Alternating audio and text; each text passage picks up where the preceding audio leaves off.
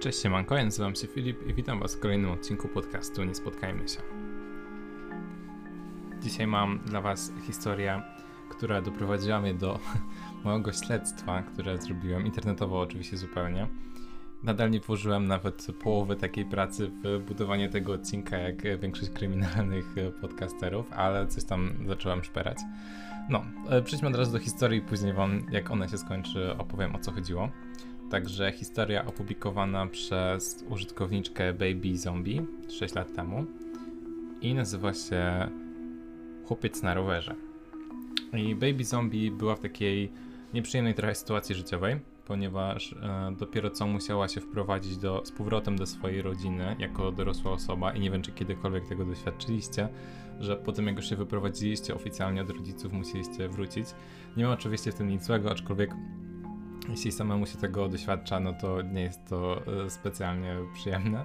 E, I krótko potem zdarzyła się taka okazja, że w takiej dość nieprzyjemnej dzielnicy pojawiło się bardzo tanie mieszkanie. No i od razu, mm, nie myśląc dwa razy, Baby się do niego wprowadziła.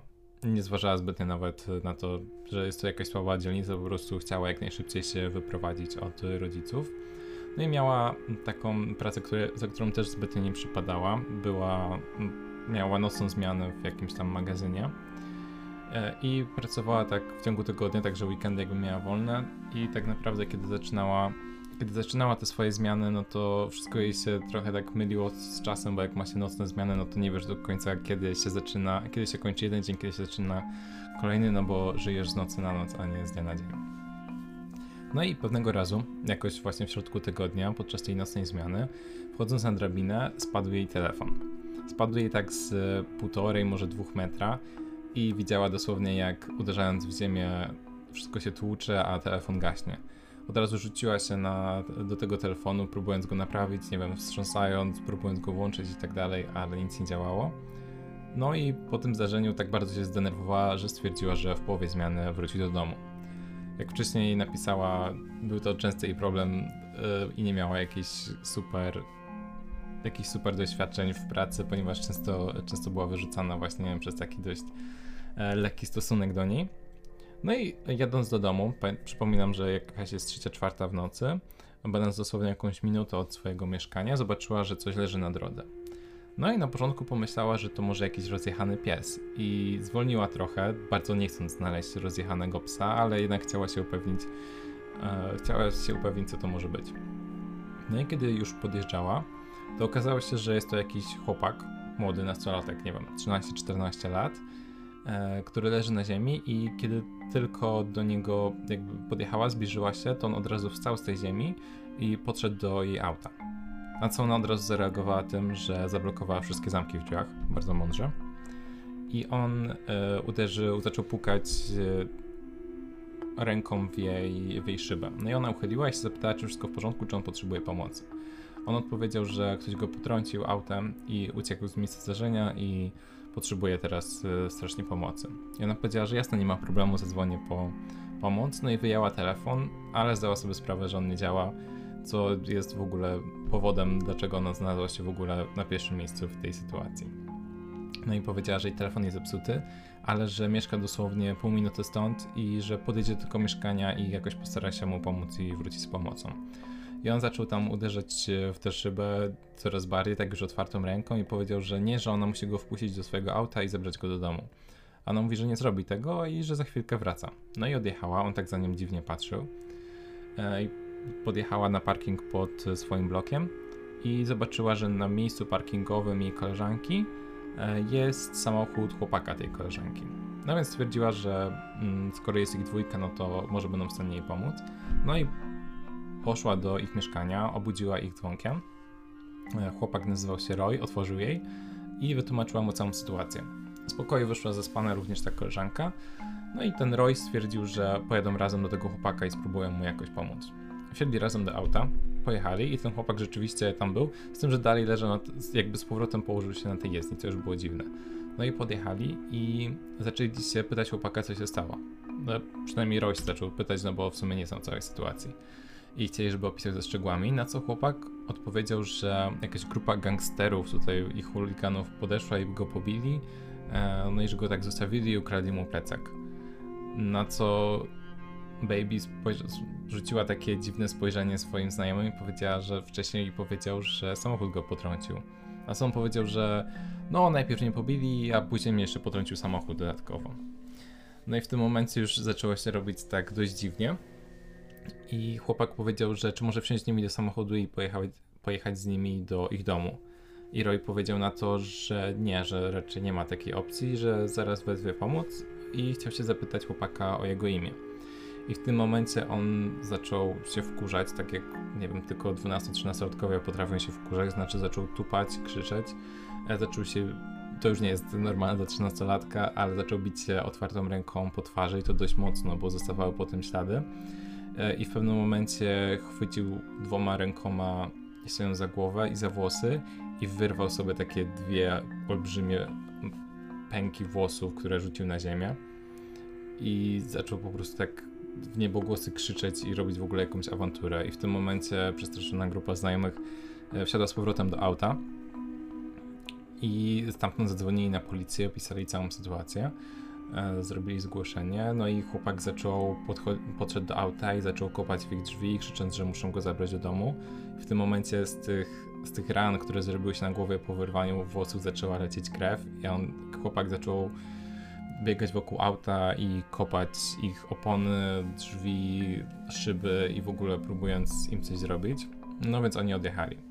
Ale nie odjechali od razu do domu, no bo stwierdzili, że możliwe, że ktoś innych ich obserwuje, albo chłopak będzie ich gonił, albo cokolwiek i nie chcą doprowadzić nikogo do swojego adresu. Dlatego zrobili parę rundek po okolicy i po jakichś 15 minutach z powrotem wrócili na to samo miejsce, gdzie wcześniej był chłopak, ale już go nie było. I tamten rower również zniknął.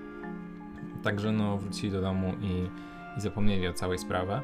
Dziwi mnie tylko to, że zazwyczaj jak zadzwonisz na policję, no to po pierwsze ta policja powinna się już tam zjawić, a po drugie dziwne jest to, że nie wydzwaniali do niego, no bo jeśli zrobisz jakieś zgłoszenia, które później jakby nie ma żadnego pokrycia, a zdarzyło mi się to też, więc mówię z doświadczenia, no to e, policja policja będzie do ciebie dzwonić i się pytać, co się stało z tą osobą, czy, czy wszystko jest w porządku, no i jeśli wzywasz niepotrzebnie policję, to są z tego jakieś jednak konsekwencje.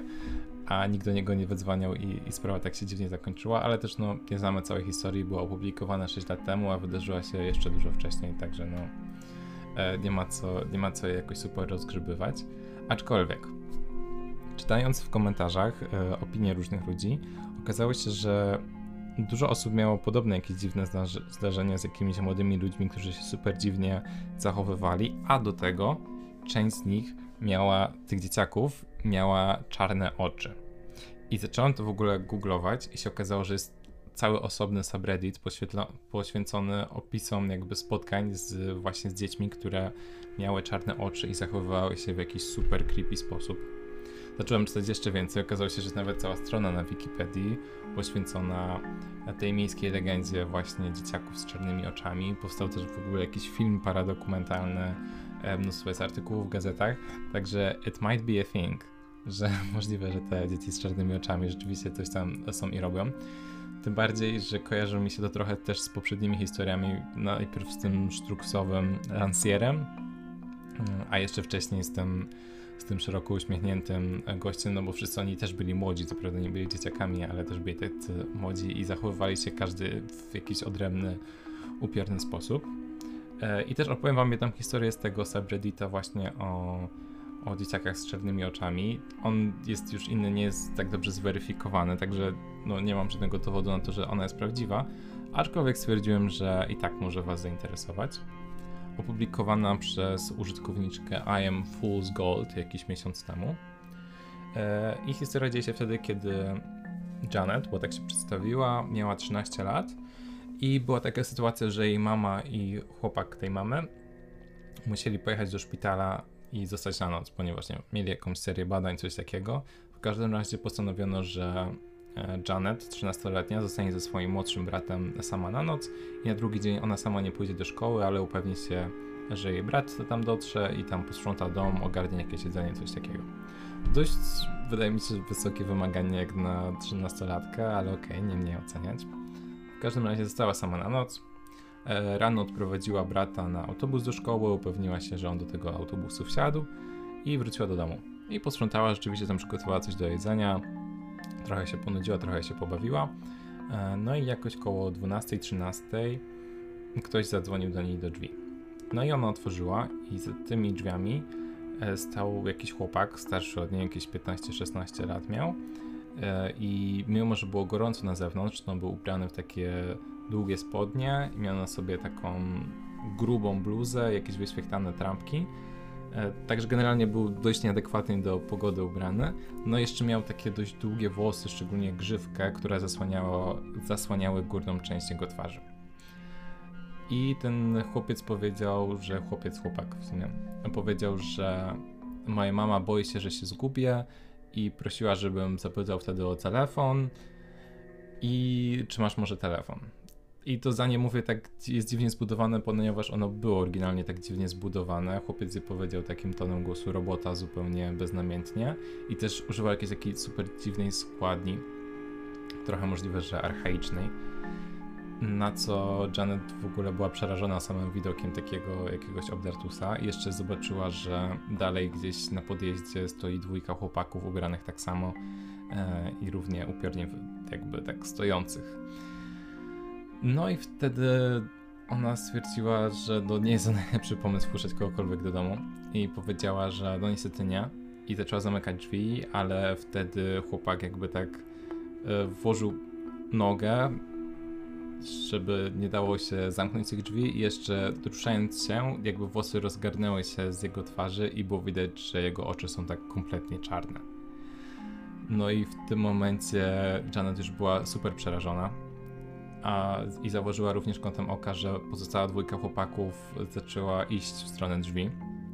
Obróciła się i zobaczyła, że gdzieś na wierzchu stoi, leży jakiś studo, leży jakiś kij do baseballa, no i wzięła go e, i pchnęła jakby tamtego chłopaka do tyłu i powiedziała, że jeśli zaraz się stąd nie wyniesie, no to ona mu spuści łomoc, zadzwoni na policję i cokolwiek. I krzyknęła to jak najgłośniej, żeby możliwie któryś z sąsiadów to usłyszał. Na co on się wycofał i stanął jakby w szeregu z pozostałą dwójką chłopaków.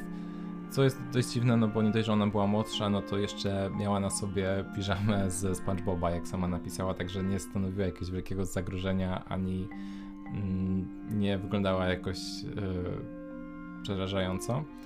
No i wtedy odezwał się inny z chłopaków stojący po prawej, który powiedział, że przepraszam, że jeśli cię zaniepokoiliśmy, przyjdziemy szukać pomocy później. No i odeszli. No i wtedy e, Janet zadzwoniła po swojego sąsiada, jakiegoś takiego wielkiego, rosłego chłopa. Ja powiedziałam mu o całej sytuacji. I on przyszedł, przeszukał cały dom, przeszukał cały ogród, przeszukał najbliższą jakąś tam okolicę, a nigdzie nie znalazł chłopaków. No i ona mu oczywiście podziękowała i później matka wróciła, e, opowiedziała jej całą historię, aczkolwiek matka ją wyśmiała i powiedziała, że na pewno ona ją sama zmyśliła. No także nikt jej nie uwierzył. Mm, szczerze mówiąc, no też nie do końca wierzy w dzieciaki z czarnymi oczami, ale możliwe, że nie wiem, że to był jakiś ktoś, kto był pod wpływem narkotyków, wtedy z oczami dzieją się różne rzeczy. No, w każdym razie tyle. Uważajcie na dzieci z czarnymi oczami i wszelkie inne, wszelkie inne niebezpieczeństwa. Ja tak jak wam zawsze mówię, jeśli ktoś potrzebuje pomocy, to jej udzielajcie, ale pamiętajcie o, o własnym bezpieczeństwie. I jako, że słyszycie to w tygodniu, w którym zbliżają się różnego rodzaju święta, no to e, życzę Boże, wesołego Bożego Narodzenia wszystkim, którzy go obchodzą. E, wszystkim innowiercom, poganom i wiedźmom życzę wesołego e, przesilenia zimowego.